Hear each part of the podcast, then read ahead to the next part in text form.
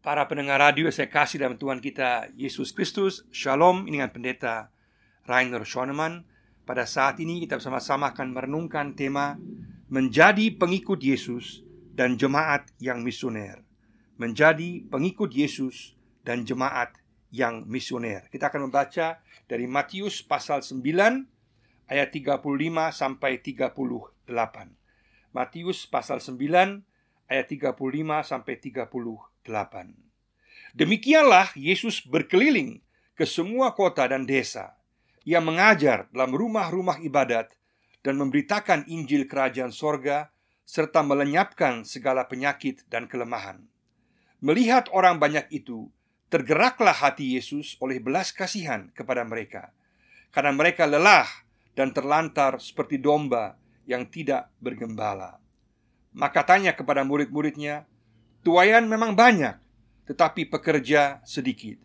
Karena itu, mintalah kepada Tuhan yang empunya tuayan, supaya ia mengirimkan pekerja-pekerja untuk tuayannya itu. Menjadi pengikut Yesus dan jemaat yang misioner. Kita yang percaya kepada Yesus telah mengalami pengampunan Yesus, telah mengalami pemulihan Yesus, pembaharuan Yesus, telah memiliki kepastian keselamatan.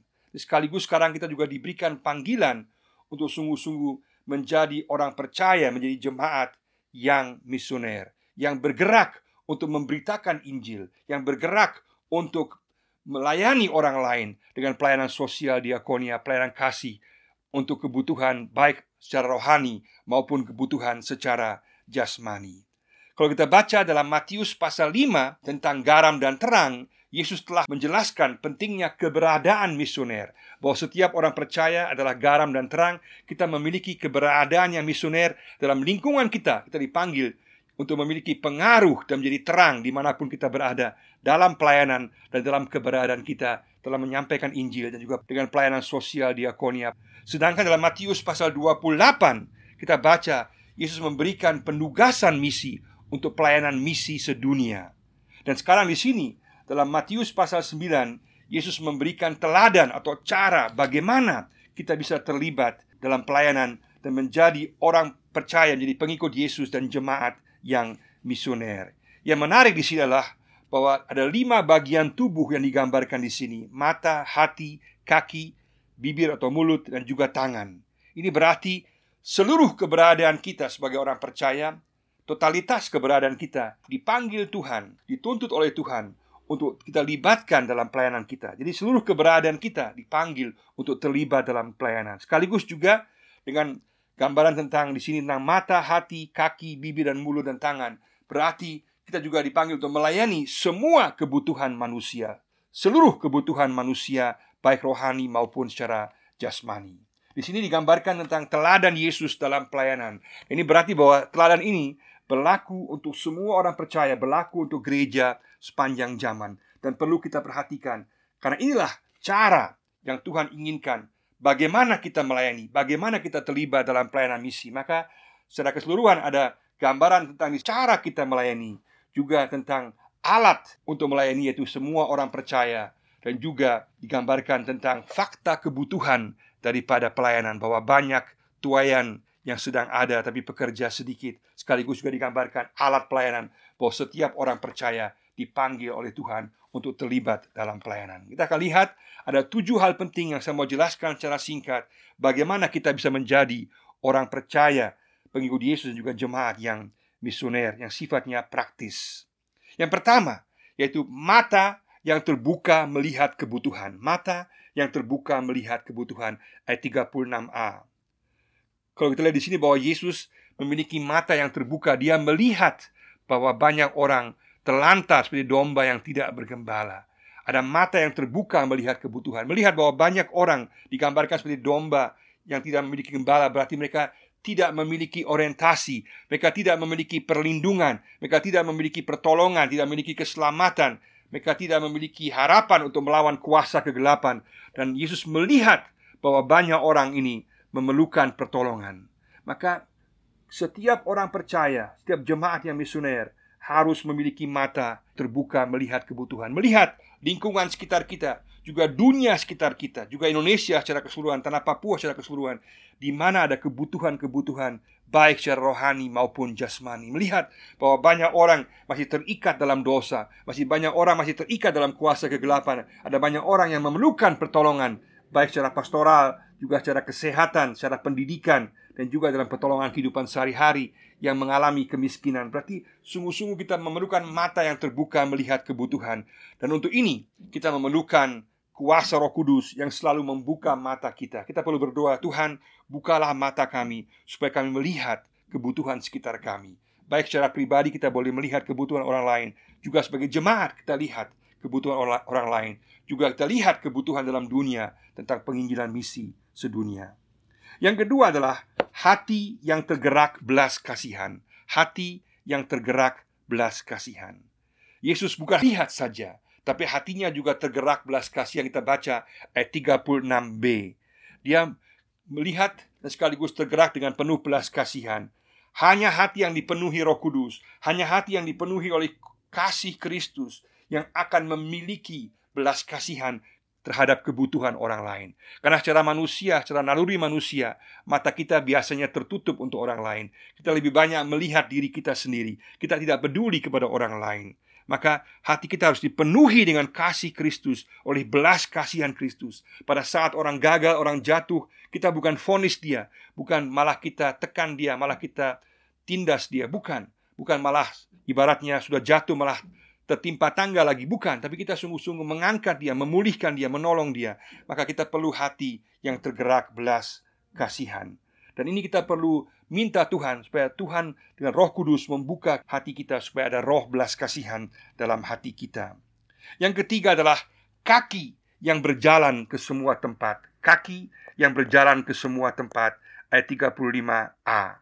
Sangat luar biasa kita lihat bahwa Yesus katakan dia berkeliling ke semua kota dan desa. Bukan hanya di kota saja, tapi juga ke desa, ke daerah-daerah pelosok. Yesus pergi untuk sungguh-sungguh mengabarkan berita Injil dan juga menolong orang, melayani orang dengan pelayanan kesembuhan. Yesus pergi dan mencari mereka yang terhilang. Maka kita pun juga dipanggil untuk mencari mereka yang terhilang. Jangan tinggal diam, jangan tunggu orang datang, tapi pergi mencari mereka yang membutuhkan pertolongan. Jemaat harus jadi jemaat yang bergerak, yang misioner, yang sungguh-sungguh pergi baik di kota-kota, berbagai pergumulan yang ada di kota, kebutuhan yang ada di kota, maupun juga ke desa-desa, ke pelosok-pelosok, kaki yang berjalan. Kita perlu berdoa, Tuhan, berikanlah saya kaki yang sedia untuk berjalan, untuk melayani Engkau, sedia untuk terlibat dalam pelayanan. Kaki kita dipanggil untuk berjalan ke semua tempat. Luar biasa. Yesus pergi mencari, berjalan dan mencari mereka yang terhilang. Berarti bersifat aktif, bersifat menjangkau. Kita harus sungguh-sungguh melihat kebutuhan pelayanan sekitar kita. Juga ada belas kasihan dalam hati kita terhadap mereka yang membutuhkan pertolongan. Dan kemudian aktif bergerak, mencari, menolong, mencari jalan keluar bagi mereka yang membutuhkan pertolongan. Yang keempat adalah mulut atau bibir yang menyampaikan berita Injil. Mulut atau bibir yang menyampaikan berita Injil dalam ayat 35b. Luar biasa di sini bahwa Yesus juga dikatakan dia pergi dan menyampaikan Injil. Dia menyampaikan berita keselamatan kepada orang lain. Dia menyampaikan berita skala berita, berita Injil kerajaan sorga bahwa dalam diri Yesus, dalam pribadinya, Allah telah memberikan anugerah Allah telah memberikan anugerah keselamatan pengampunan bagi setiap orang yang datang kepadanya, yang kepadanya, yang menyerahkan diri kepadanya, bahwa ada kepastian keselamatan. Yesus menyampaikan berita kabar baik keselamatan pengampunan dosa yang hanya dapat diberikan oleh Allah sendiri. Dan inilah juga tugas kita. Tugas kita sebagai gereja, sebagai orang percaya adalah menyampaikan kepastian pengampunan kepada orang lain yang percaya kepada Yesus, menawarkan berita Injil sukacita bahwa ada kepastian pengampunan dalam Yesus. Bahwa semua orang sungguh-sungguh memiliki harapan. Tidak ada orang yang tanpa harapan. Semua orang memiliki harapan dalam Kristus. Semua orang dapat kembali dan dapat diselamatkan, dapat diampuni pada saat percaya dan menaruh harapan kepada Yesus. Ini juga berarti bahwa setiap warga jemaat, setiap orang percaya harus juga belajar tentang apa isi Injil itu supaya jangan kita menambah-nambah atau mengurang-urangi isi Injil. Kita sungguh-sungguh mengerti apa yang merupakan isi Injil, memahami isi Injil, sehingga kita juga mampu untuk bisa menyampaikannya dalam konteks, dalam situasi yang jelas, yang sederhana, sesuai dengan kebutuhan orang sekitar kita. Maka sangat penting untuk belajar firman Tuhan dalam semua jemaat yang misioner. Kalau kita mau menjadi orang percaya yang misioner, jemaat yang misioner, kita harus bersedia belajar firman Tuhan untuk sungguh-sungguh mengerti apa isi firman Tuhan sehingga kita menyampaikan Injil secara murni sehingga sungguh-sungguh terjadi perluasan kerajaan Allah dan bukan kepentingan gereja secara sempit, tapi sungguh-sungguh kepentingan perluasan kerajaan Allah. Orang lain menjadi percaya, mereka yang belum percaya jadi percaya, mereka yang lemah dikuatkan, kemudian mereka sungguh-sungguh dipulihkan dan kemudian mereka juga disembuhkan, ditolong sehingga sungguh-sungguh melalui pelayanan penginjilan kita banyak orang kemudian menjadi percaya kepada Yesus, kepada ketuhanan Yesus bahwa dosanya diampuni dan juga hidupnya memiliki kepastian keselamatan kekal dan memiliki hubungan pribadi dengan Yesus. Itulah tugas kita. Maka sebagai orang percaya kita semua dipanggil untuk sungguh-sungguh menyampaikan berita Injil, di mana kita bisa menyampaikan Injil, kita sampaikan Injil secara murni tentang pengampunan Allah, kesempatan anugerah Allah yang luar biasa yang mengampuni orang berdosa yang datang kepadanya. Mari sama-sama kita belajar firman Tuhan dan juga sungguh-sungguh menyampaikan Injil secara murni. Yang kelima adalah di sini tangan yang melayani kebutuhan secara menyeluruh. Tangan yang melayani kebutuhan secara menyeluruh. Ayat 35c. Yesus juga menyembuhkan orang-orang yang sakit. Ini juga merupakan gambaran bahwa pelayanan kita juga berarti kita melayani kebutuhan manusia secara utuh. Bahwa kita orang percaya dan juga gereja secara keseluruhan dipanggil untuk melayani segala jenis kebutuhan manusia, baik rohani maupun jasmani. Ini berarti kita sungguh-sungguh lihat apa merupakan kebutuhan manusia dalam hal kesehatan, dalam hal pangan, dalam hal sandang, dalam hal juga soal pelindungan hak asasi manusia dalam hal berkaitan juga dengan pendidikan dan juga berkaitan dengan peperangan atau memerangi kemiskinan. Semua hal ini harus diperhatikan oleh gereja, oleh orang percaya bahwa kita dipanggil untuk memperhatikan kebutuhan secara menyeluruh sehingga kita menyentuh semua kebutuhan manusia baik rohani maupun jasmani. Mari sama-sama kita berdoa katakan Tuhan, Tuhan bukalah mataku supaya mataku melihat kebutuhan orang lain, melihat kebutuhan yang ada baik rohani maupun jasmani. Berikanlah aku hati yang penuh dengan belas kasihan, yang tergerak belas kasihan. Berikanlah aku kaki yang sedia untuk berjalan, untuk melayani mereka yang memerlukan pertolongan, di mana pun aku berada. Tuhan berikan aku kemampuan, kesediaan untuk menyampaikan Injil pengampunan, berita kabar baik, kepastian pengampunan keselamatan dalam Yesus kepada orang lain. Di mana ada kesempatan Tuhan, bukalah kesempatan bagi saya. Berikanlah saya kesempatan yang tepat untuk menyampaikan Injil kepada orang lain. Dan juga Tuhan, berikanlah saya tangan yang melayani secara menyeluruh. Tangan yang bersedia juga melayani dalam hal diakonia, pelayanan kasih, dalam bidang pendidikan, dalam bidang kesehatan, memerangi kemiskinan, menolong orang supaya menjadi mandiri dalam hal ekonomi, dan juga dalam hal sandang pangan. Dalam segala hal saya bersedia untuk terlibat dalam pelayanan diakonia. Yang keenam di sini yang sangat penting adalah fakta kebutuhan pelayanan.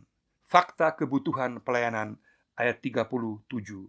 Fakta kebutuhan pelayanan jelas sekali bahwa dikatakan bahwa tuayan banyak tapi pekerja adalah sedikit. Maka Yesus katakan bahwa kita semua sebetulnya oleh penyanyi baru secara keseluruhan, kita semua sebagai orang percaya dipanggil untuk terlibat dalam pelayanan. 1 Petrus 2 9 katakan bahwa kita semua dipanggil untuk terlibat dalam pelayanan untuk memberitakan kabar baik keselamatan kepada orang lain. Berarti setiap orang percaya harus bersifat misioner, harus terlibat dalam pelayanan karena tuayan banyak, baik dalam situasi lokal di mana kita berada, dalam konteks lingkungan di mana kita berada, juga kota Jayapura, juga dalam tanah Papua secara keseluruhan, juga Indonesia dan juga dunia secara keseluruhan. Kita perlu mata yang terbuka untuk melihat di mana tuayan yang banyak itu dan di mana Tuhan ingin menempatkan kita supaya kita terlibat dalam pelayanan. Katakan Tuhan, aku bersedia. Jika Engkau panggil aku, jika Engkau mengutus aku, aku bersedia. Aku mau terlibat dalam pelayanan, baik secara rohani maupun secara jasmani. Aku mau terlibat. Dan yang ketujuh, berbicara mengenai alat pelayanan. yaitu para murid Yesus, alat pelayanan para murid Yesus. Ayat 38. Di sini Yesus katakan bahwa kita dipanggil untuk berdoa, untuk meminta pada Tuhan supaya Tuhan mengutus para pelayan para pelayan untuk sungguh-sungguh terlibat dalam tuayan yang begitu banyak supaya ada pekerja-pekerja yang Tuhan telah utus, Tuhan panggil supaya mereka terlibat. Pertama-tama jelas bahwa dalam Alkitab ada tugas-tugas khusus bagi para rasul, bagi mereka para murid yang dipanggil Yesus secara khusus, tapi juga panggilan ini berlaku untuk gereja secara keseluruhan, bahwa semua orang percaya dipanggil untuk terlibat dalam pelayanan. Kita baca 1 Petrus 2 ayat 9 juga 1 Petrus 4 ayat 10 Kita semua dipanggil untuk terlibat dalam pelayanan sesuai karunia kita masing-masing. Maka cara pelayanan kita adalah dengan mata yang terbuka melihat kebutuhan. Cara pelayanan kita adalah dengan, dengan hati yang tergerak belas kasihan. Cara pelayanan kita adalah dengan kaki yang berjalan ke semua tempat. Cara pelayanan kita adalah dengan mulut dan bibir yang menyampaikan berita Injil kepastian pengampunan Injil kerajaan Allah. Dan juga cara pelayanan kita dengan tangan yang melayani kebutuhan manusia secara menyeluruh baik rohani maupun jasmani. Dan kebutuhan pelayanan kita sangat luar biasa bahwa tuayan banyak pekerja sedikit. Dan Tuhan mau supaya setiap kita terlibat dalam pelayanan tersebut. Dan juga kita dipanggil bahwa alat pelayanannya adalah kita semua. Kita sebagai orang percaya, setiap murid Yesus secara pribadi dan juga jemaat secara keseluruhan dipanggil untuk terlibat dalam pekerjaan pelayanan. Untuk ini kita membutuhkan banyak tenaga. Maka banyak orang percaya, seluruh warga jemaat, semua orang percaya harus diberdayakan, harus disiapkan sehingga sungguh-sungguh dapat bersama-sama dengan semua karunia, dengan semua kemampuan dapat terlibat dalam pelayanan baik secara lokal maupun juga kemudian di kota maupun juga di provinsi bahkan ke seluruh dunia bersama-sama baik secara pribadi maupun secara jemaat. Maka sangat pentinglah menyiapkan para warga jemaat untuk terlibat dalam pelayanan sehingga seluruh warga jemaat sungguh-sungguh kemudian memiliki mata, memiliki hati, memiliki kaki, memiliki mulut, memiliki bibir, dan juga memiliki tangan yang terlibat dalam pelayanan. Dan juga semua memiliki kepekaan akan kebutuhan pelayanan bahwa tuayan banyak tapi pekerja sedikit. Bersama-sama kita katakan Tuhan, kita bersedia menjadi alat Tuhan. Alat Tuhan dengan meneladani, dengan mencontohi cara pelayanan Yesus. Mari sama-sama kita katakan Tuhan, bukalah mata saya untuk melihat kebutuhan. Gerakkanlah hati saya dengan belas kasihan. Buatlah saya agar kaki saya berjalan ke semua tempat untuk melayani. Berikanlah saya mulut yang mampu menyampaikan berita sukacita kabar kebaikan Injil pengampunan Yesus. Berikan saya tangan yang bersedia untuk melayani. Berikan saya kepekaan akan kebutuhan pelayanan. Dan jadikanlah saya siap dan sedia untuk terlibat dalam pelayanan, baik dalam situasi lokal di mana pun saya berada, maupun juga sampai ke ujung-ujung dunia. Kiranya Tuhan memberkati kita sehingga setiap kita menghidupi dan menjadi orang percaya pengikut Yesus yang misioner dan menjadi jemaat dan gereja yang misioner sampai Yesus datang kembali. Tuhan memberkati kita semua. Amin.